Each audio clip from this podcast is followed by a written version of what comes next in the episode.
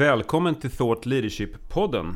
Jag som leder det här programmet heter Christian Helgesson och jag är VD för utbildningsföretaget Ny Teknik Education.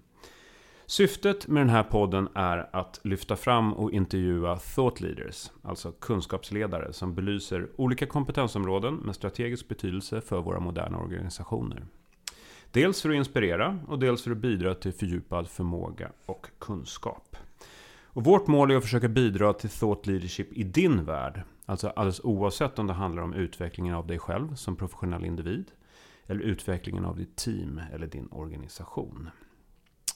I det här avsnittet så ska vi prata om elektrifieringen av transportsystemet och nästa steg för kommersiella fordon.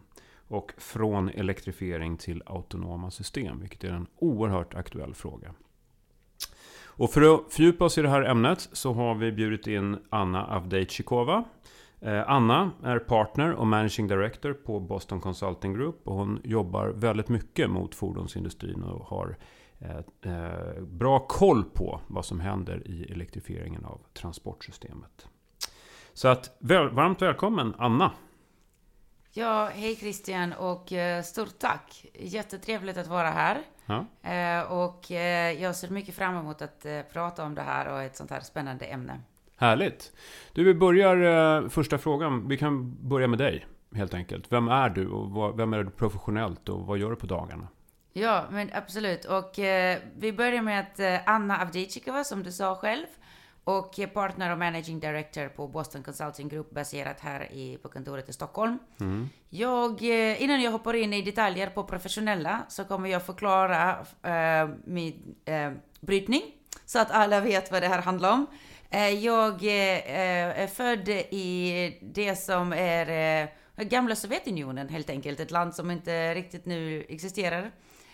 och jag har jag har rest mycket också som ett barn, har väldigt mångkulturell familj. Kommit till Sverige på tidigt tonår och eh, kom till Sverige tillsammans med min pappa som eh, är professor i kärnfysik mm. och har jobbat och rest väldigt mycket under sin yrkeskarriär och sitt liv.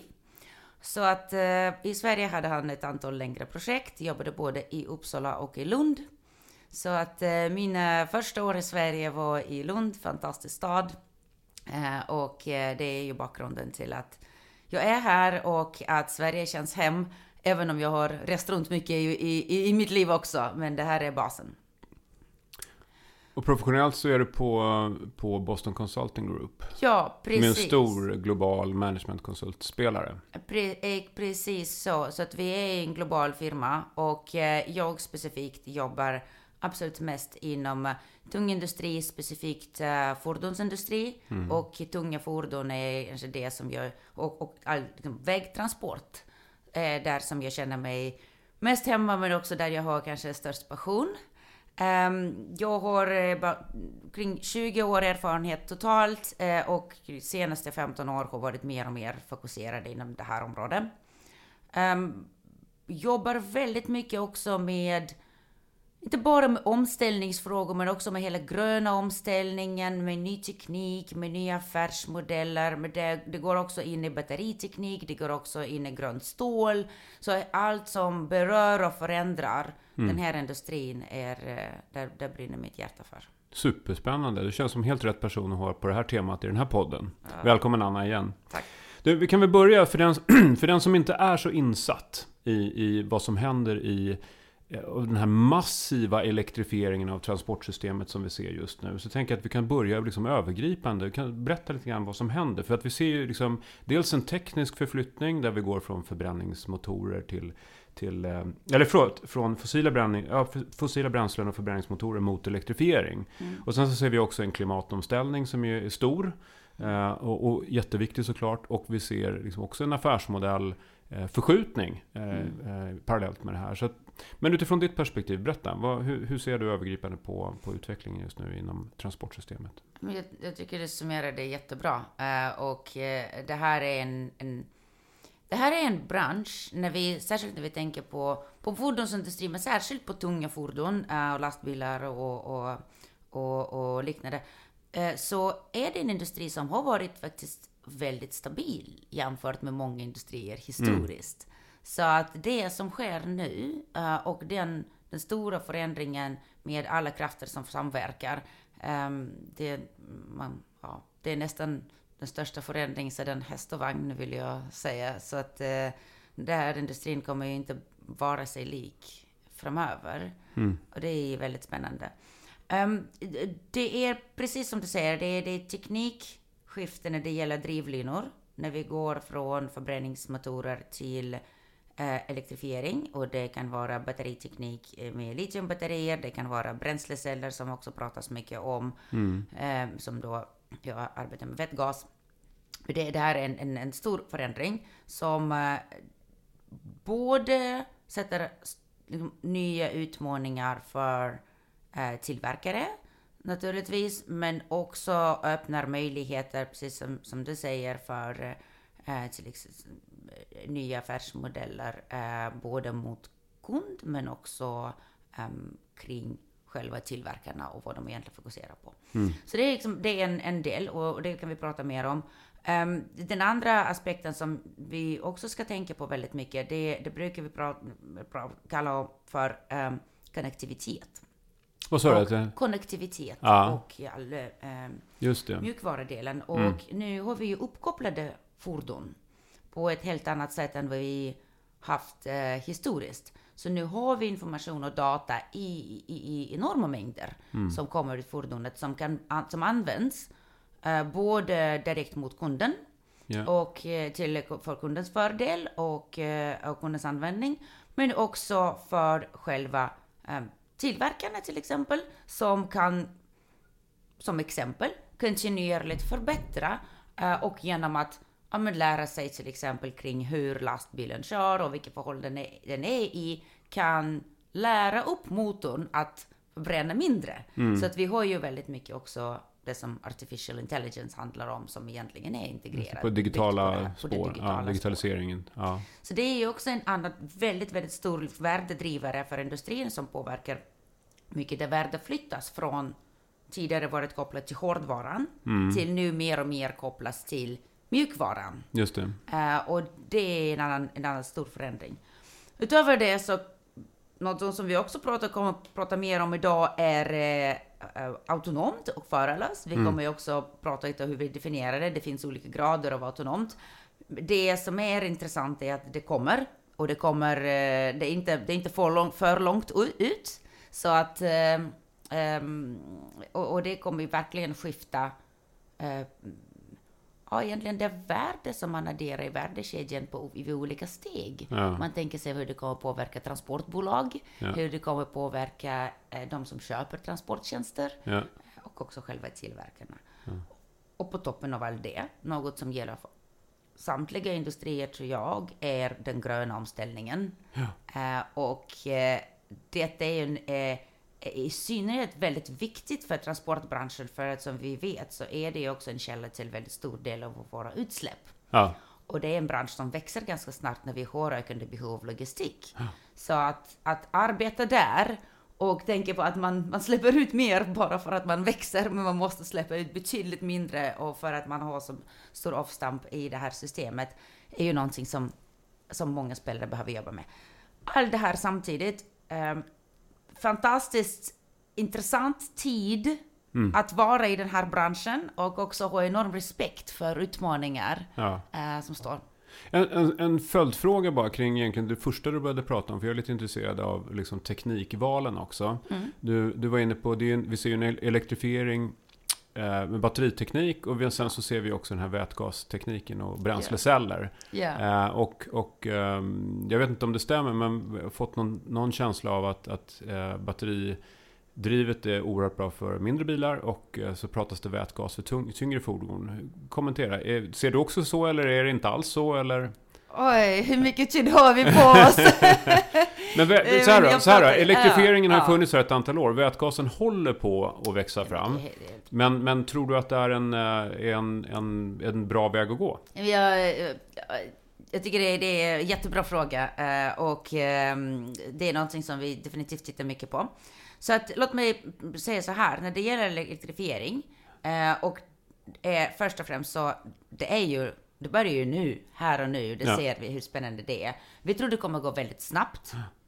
Eh, det vi, vi uppdaterar våra perspektiv löpande. Nu senaste så tror vi att det kommer vara över 50% av eh, nyförsäljningen i Europa till 2030 Ja. vilket är i princip sju år från nu, som kommer vara um, elektrifierad, över 50. Och eh, det kommer då följas av USA och Kina. Ehm, vi ser också att det som sker i Ukraina nu eh, och, och, den, eh, och kriget där eh, är något som ytterligare accelererar drivet i Europa att eh, koppla att minska beroendet på, från, från fossila bränsle Ja. och eh, driva hårdare mot elektrifiering. Ja. Det ser vi, det är inte, och det är inte bara liksom själva liksom EU som, eh, som region, utan det är också, det är också liksom kunder och eh, bolag som använder sig av logistik som faktiskt aktivt driver nu Ja. mot, det där, mot accelereringen. Um, vi ser också att i USA med den nya administrationen som är nu är, är det enorm accelerering. Så att vi, jag är säker på att nästa gång vi uppdaterar, vilket kommer nu, vi uppdaterar nu vår perspektiv, vi gör det minst en gång om året, är, eh, så kommer vi se ännu högre siffra. Ja. Det är ett. Två vill jag säga om elektrifieringen är att vi tror starkt, eh, och det är vårt perspektiv, att uh, um, litiumbatterier kommer vara den vinnande tekniken inom eh, lastbilar. Mhm.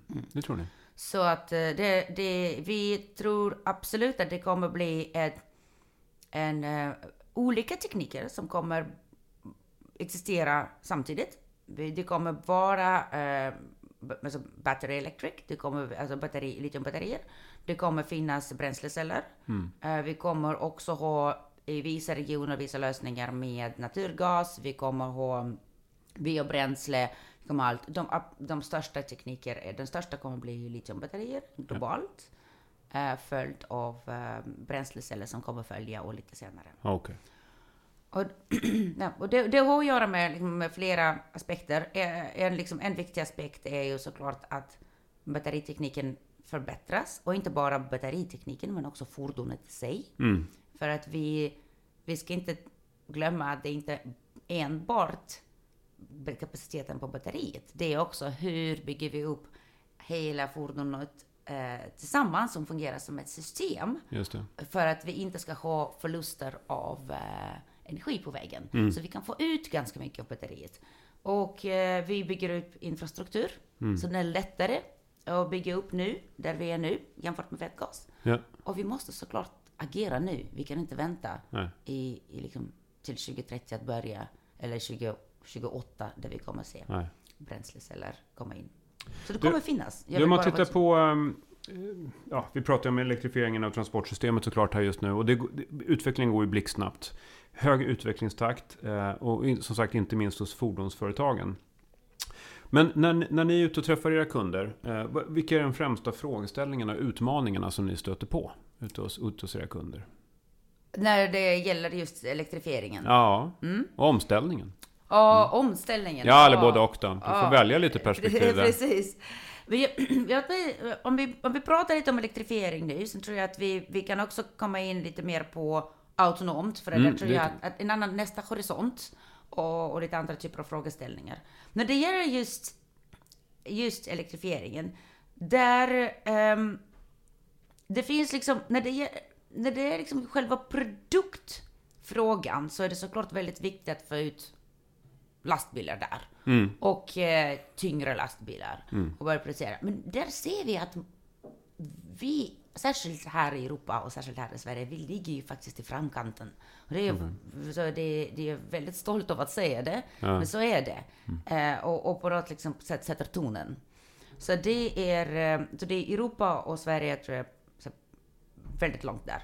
Där vi ser att vi, det mycket som fortfarande behöver byggas upp är ju laddningsinfrastruktur. Mm. Och laddningsinfrastruktur för tunga fordon krä- är betydligt mycket mer krävande. Ja. Där vi behöver ha um, andra typer av laddare, de behöver finnas på andra typer av ställen, de behöver planeras i det här logistiska systemet Mm. i så som kunder kör efter de sträckor som förare behöver köra.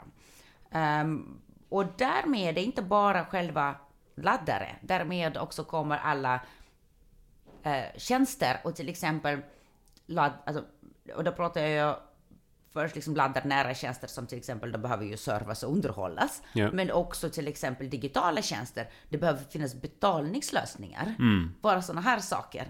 Och det behöver integreras.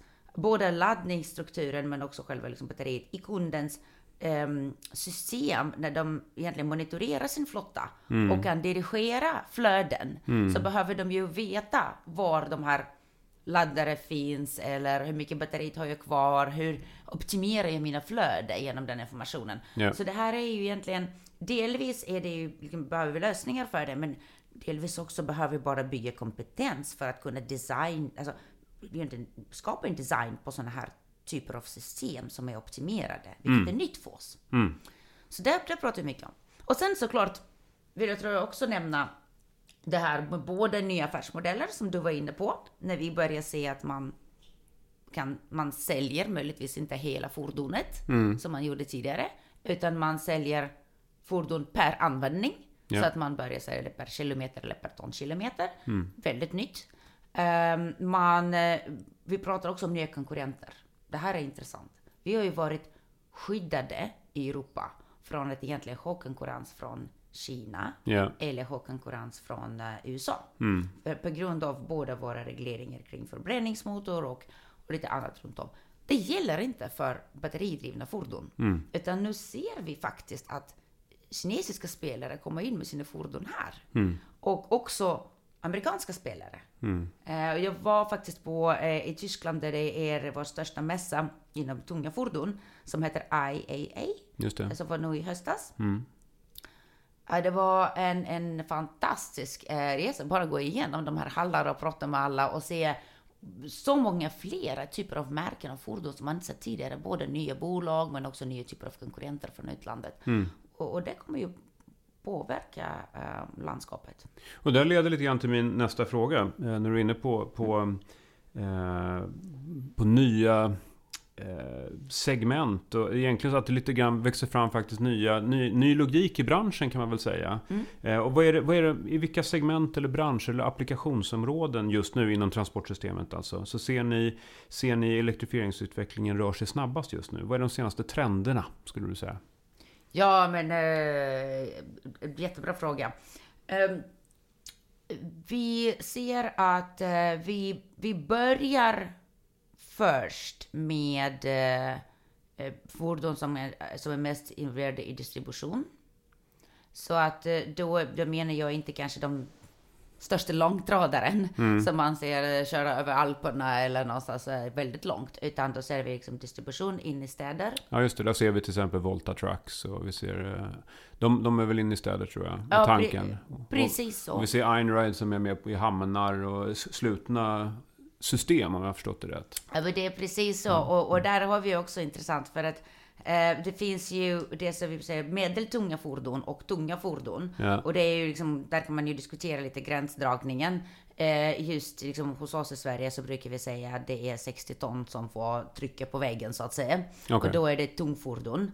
Eh, sen eh, det som kör i städer, är, de är ju ofta något lättare. Ja. Så att då har vi kanske någonting kring 30 ton.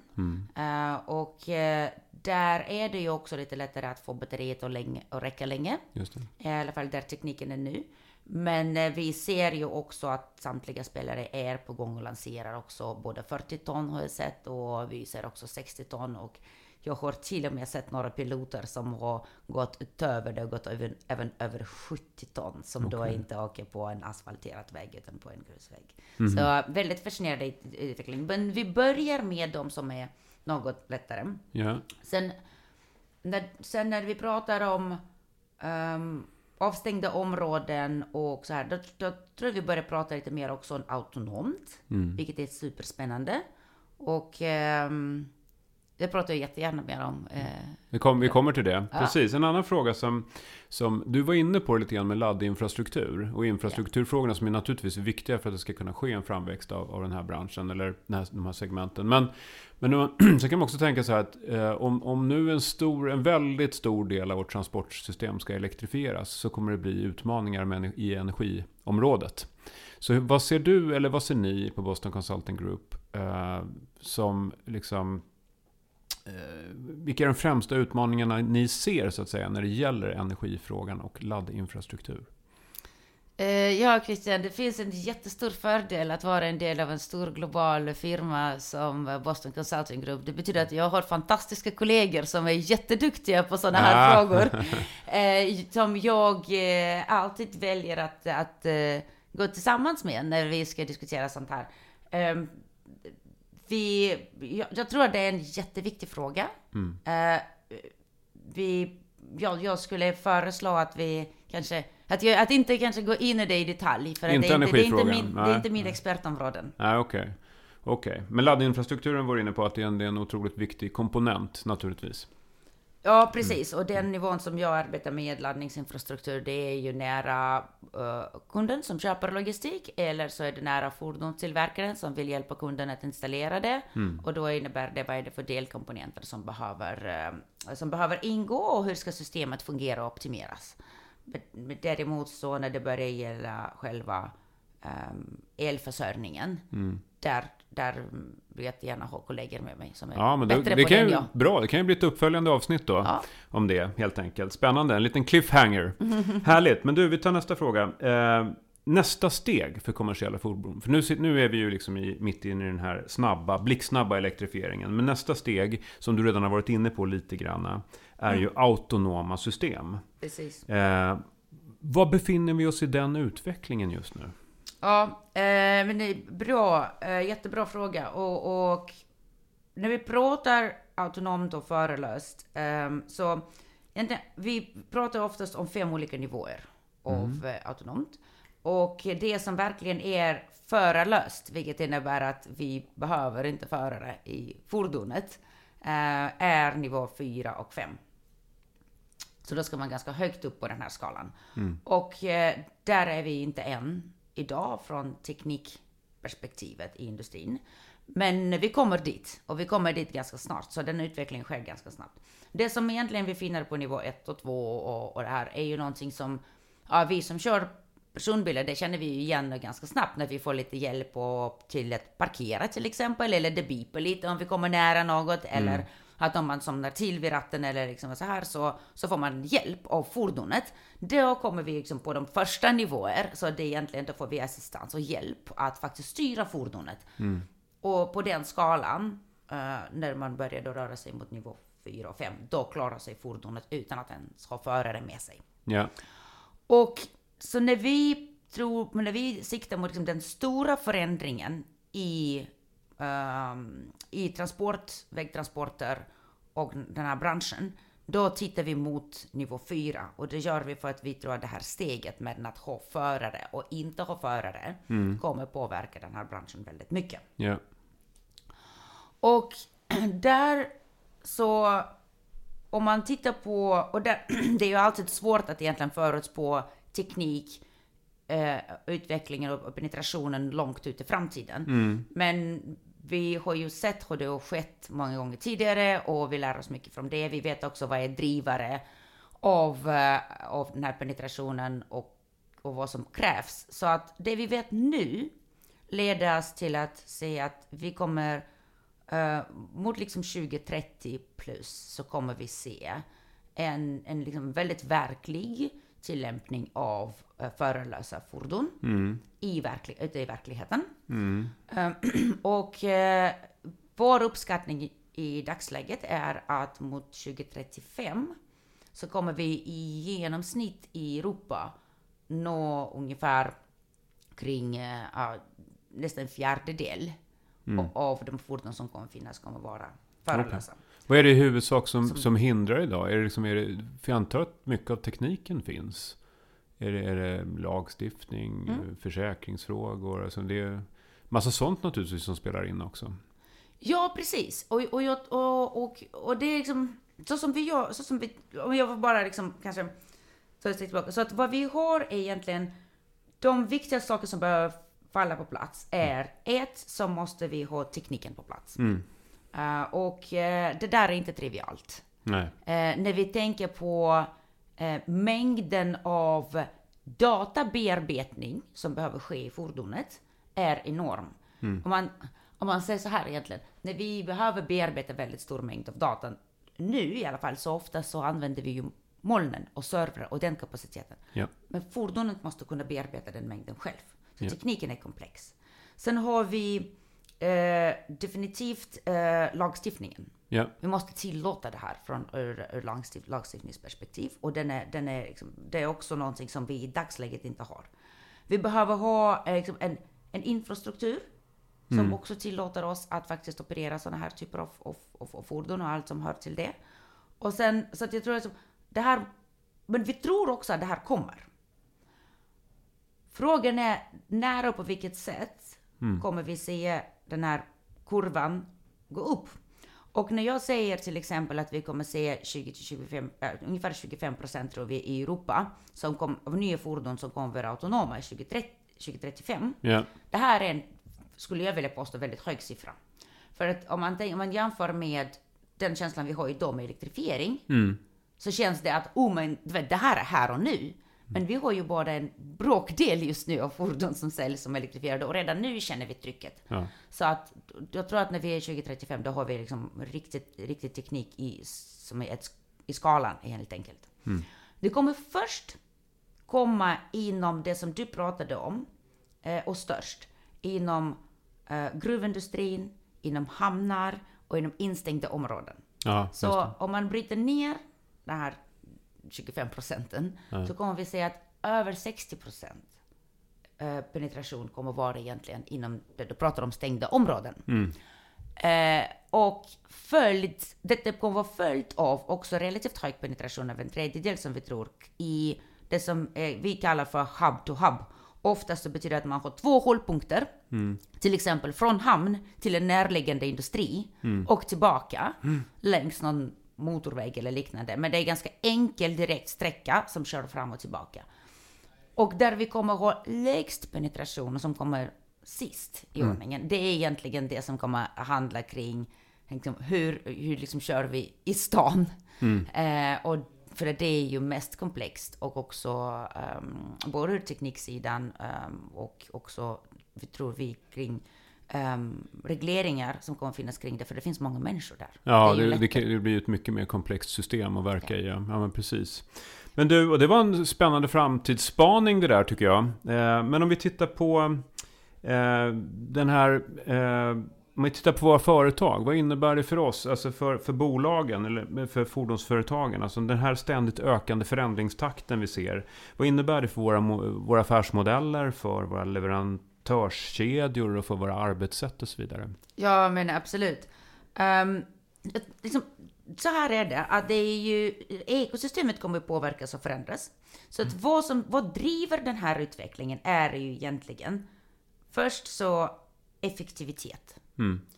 För att har man ett fordon som kan fungera 24 timmar i dygnet i princip, alltså förutom såklart det ska servas, så påverkar det kostnader väldigt mycket. För till skillnad från ehm, personbilar så är ju en lastbil ett verktyg. Mm. Den ska ju användas liksom, egentligen i, ja, inte i produktion i det här fallet, i logistik, men, men, men det måste användas ehm, så mycket som möjligt. Så att kostnad är stort. Sen ska vi tänka på att vi har ju en brist på förare. Mm. Och vi har haft en brist på förare ett bra tag. Ja. Vi, vi, pratar ju mycket om det också nu på grund av vet, Ukraina och vi säger att de har, ja, ja, men det är temporärt. Mm. Vi har ett strukturell brist på förare Ja. som inte, i alla fall vi ser inte att det kommer att försvinna, det kommer bara öka. Logistikbehovet ökar, så att vi måste lösa det här problemet. Så en annan drivare av det här är ju egentligen, det här är en lösning för ett, ett liksom väldigt konkret uh, utmaning. Och såklart säkerhet. Vi tror också väldigt mycket kring att det kommer att bli mer säkert.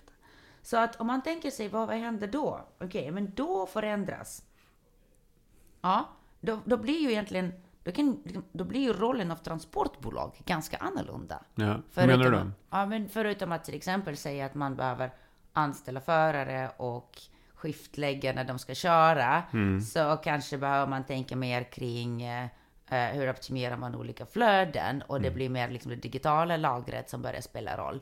Eh, vi vet ju också att eh, det finns kunder, slutkunder och användare av, eh, av transporter som själva börjar fundera på hur, hur ska vi liksom använda oss av, de här möjligheter. Vi ser fordonstillverkare som säger att vi också vill vara med och äga den här delen av lagret och faktiskt optimera flöden och, och logistiken. Där har du det. exemplet också du nämnde tidigare av en, våra svenska startup. Eh, så att eh, för, förändrade roller i, i, i, i kund, eh, kundrelationen. Eh, nya affärsmodeller, precis som du säger. För att kommer vi sälja fordonet eller kommer vi egentligen sälja transporttjänsten? Just det. direkt. Mm, mm. För det är det vi vill göra. Vi kommer... Eh, och, och jag tror som här också en, en, en väldigt viktig aspekt kring ehm, att det finns... liksom- Det ekosystemet som skapas kommer egentligen innebära att spelare i den kommer vara otroligt mycket mer beroende av partnerskap och samarbete. Att kunna tillhandahålla alla lösningar själv kommer vara svårt. Vi kan göra en sån här lite enklare analogi ehm, kring liksom, mobiltelefoner. Ja. Om man sa mobiltelefoner när vi liksom i början på eh, 20, eh, 2000, få- 2000 ja. Eh, så, och sen så då den här förändringen som vi hade när vi helt plötsligt fick en mobiltelefon med alla appar och egentligen tillgång, alltså det blev en som en liten dator och tillgång till allt och musik och banktjänster och så vidare. Från att liksom i början var för oss bara liksom en, ett sätt att kommunicera. Så en väldigt stor resa och en väldigt mycket mer ekosystemberoende eh, resa skulle jag vilja säga. Just det. Intressant. Du, och, och företag som befinner sig i den här branschen nu då, eh, och som ser det här framför sig, som du säger om, om kanske tio år eller, eller sådär. Vad, hur kan man förbereda sig idag? Eller hur kan man för, bolagen förbereda sig för eh, de autonoma systemen som kommer framöver? Mm. Um, men det, och, och det här är, det här är liksom väldigt viktigt, för det är ju också något som... um, även om vi segregerar det i våra samtal mer, liksom, så är det egentligen en del av en och samma resa. Vi pratar elektrifiering, vi pratar autonomt, men vi rör oss mot en och samma resa. Så jag tror att det första jag skulle säga att, att faktiskt liksom, planera för liksom, den framtida eh, den framtida världen som den kommer att se ut i industrin och definiera väl vad är, vad är min roll i det där framtida ekosystemet. Vilka del av den här värdekedjan ska jag faktiskt äga, där jag ska bli min kärna, där jag ska bli riktigt bra. Och vilka delar av det kan jag lita och, eh, och luta mot strategiska partners och samarbeten där jag kan både ta del av kunskap men också säkerställa att vi rör oss framåt snabbare och förbättra kanske mitt erbjudande. Så jag tror att, att verkligen liksom planera längre fram och tänka liksom kring att okej, var vill jag vara i det framtida totala systemet? Kommer hjälpa oss att fatta rätt beslut idag. Så att det inte blir reaktivt men snarare proaktivt. Försöka förstå hur ekosystemen och värdekedjorna ser ut och vilken plats man ska Och ha i vilken plats man ska ha. För Ja, att eh, ja. man, kan, man, liksom, man ska definitivt inte stanna på den tidigare platsen som Nej. man har varit. Mm. Så att någonstans är man på väg. Och då att verkligen veta var man är på väg kommer hjälpa er att också fatta rätt beslut som man fattar nu dagligen. Det tror jag liksom skulle vara ett. Det andra skulle jag säga är att eh, det är också lite så här att låter kanske lite märkligt, men våga, våga fatta vågade beslut, vill jag säga. För att eh, vi kommer från en bransch som har varit traditionellt liksom ganska, väldigt, väldigt stabil. Ja, Så vi är inte alltid vana vid att det blir liksom vändningar och, och de här typer av utmaningar. Men, och jag tror liksom med en tydlig bild kring, okej, var vill jag vara i framtiden? Vad är min roll? Vad är min kärna? Eh, kommer liksom, och då därmed också faktiskt våga sätta den där foten idag och säga att ja, vi till exempel, ja, börja ge några exempel då om något som har gjort, men några har bestämt att de ska inte faktiskt ehm, tillverka um, själva, alltså eh, montera fordonet. Hur kan man vara fordonstillverkare? Jo, För de står för tekniken. Ja, Bara ja. som ett exempel. Och det är liksom, då har de definierat sin roll. Mm. Och då har de liksom också sagt, okej, vad bör... Och då gör de då sina val inom det. Ja. Men, men, och, eller affärsmodellen. Mm. Att faktiskt ändra på en affärsmodell. Få ett bolag som har hela sin, liksom, alla liksom finansiella räkenskaper.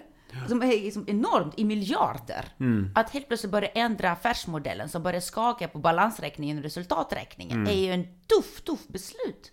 Så att jag tror liksom att bara såklart göra det genomtänkt, men välja också var vill jag gå och faktiskt våga fatta dem idag så att man möter, möter den nya Det verkligheten. är väl den där klassiska utmaningen att, att, för, att se vart, vart man är på väg och sen ändra affärsmodell trots att man är inne i en, en lönsam modell idag. Men att våga göra den förändringen. Det är lite grann som att byta flygplansmotorer medan man är uppe i luften. Ja, det är, och det är jättesvårt för att ofta så har man ju en, liksom eh, 99,9 procent av sina intäkter Ja. som kommer från något. Och En sen så, kärnaffär, ja. Mm. hur introducerar man det nya? Och det är ju ett område som, vi ser ju att man väljer att göra det på olika sätt. Vissa Mm. har ett, liksom ett, ett annan varumärke, andra väljer att göra det liksom i någon typ av samarbete med någon annan. Så man kan ju testa ut lite olika modeller, men jag tror det är viktigt att göra än att inte göra, så Ja, att säga, absolut. och testa sig fram. Eh, tro- och sen det tredje som ligger väldigt nära mitt hjärta och personligen tycker är otroligt viktigt är eh, em, kompetensuppbyggnad och kompetensskifte. Mm, mm, Eh, vi, liksom, och, och, och vi, som vi pratade om i början, att vi rör oss ju mot där det var väldigt mycket hårdvarurelaterat och eh, nu börjar vi röra oss mycket till mjukvara och eh, från att liksom, vi gjorde mycket hemma Ja. så är det så att vi gör nu mycket med partners. Vi, vi jobbar på ett annat sätt. ehm, och och där, där finns det en resa, både för bolagen eh, som är i branschen, transportbolag, eh, fordonstillverkare och andra. Men också tror jag för oss som ett samhälle att säga okej, vilken typ av kompetensförsörjning kommer vi behöva framöver? mm, Om man tänker sig, om man tittar på de nya utmanare och var de anställer från, ja. om man tittar, sig, tittar på um, eh, den mer traditionella bolag och vad de anställer från, eller har anställt från, tror jag, om du ska prata lite mer tidigare, så är det väldigt olika Ja. mönster. Så jag tror att eh, vi ser ju att det börjar röra sig framåt, men att också vara attraktiv, se till att de mest talangfulla personer som går ut universitet faktiskt tycker att det är fantastiskt kul att gå till en liksom, ja, kanske stora traditionella transportspelare eller fordonstillverkare eller så här, snarare än att gå till en teknikbolag. Det där måste ju bara liksom lyfta fram mer, attrahera talang, behålla talang, bygga den nya kompetensen. Och så småningom skifta ut. Jag, liksom, den här förändringen händer inte över en natt. Nej. Så det är ingenting som man ska vara orolig för och liksom stressa över. Så det är liksom, men, men däremot så småningom så behöver vi skifta ut. Och det handlar om att har vi verkligen liksom, lägger vi tillräckligt mycket att bygga det nya eh, på kompetensnivån. Viktigt att vi gör. Men det känns som att eh, om jag ska sammanfatta dina, det lät som tre tips det där. Eh, och om jag ska sammanfatta dem så handlar det alltså om att börja med att förstå ekosystemet, förstå värdekedjan och vilken plats du ska ta i den framöver. Det är ett bra sätt att, att liksom försöka förstå och, och kartlägga. Och sen så andra tipset var att våga egentligen. Eh, våga utmana befintlig affärsmodell, våga ta steget till att testa nya grejer. Och det tredje var kompetensförsörjningen, kompetensutvecklingen. Ja. Att man satsar på rätt kompetens framöver, givet den position man ska ha i värdekedjan framöver. Ungefär så. Jag tror det är jättebra summering. Härligt. Stort tack Anna för att du kom hit idag. Jättespännande och intressant att snacka med dig. Ja, tack Christian, det var jättetrevligt att vara här. Och stort tack eh, till alla er som har lyssnat.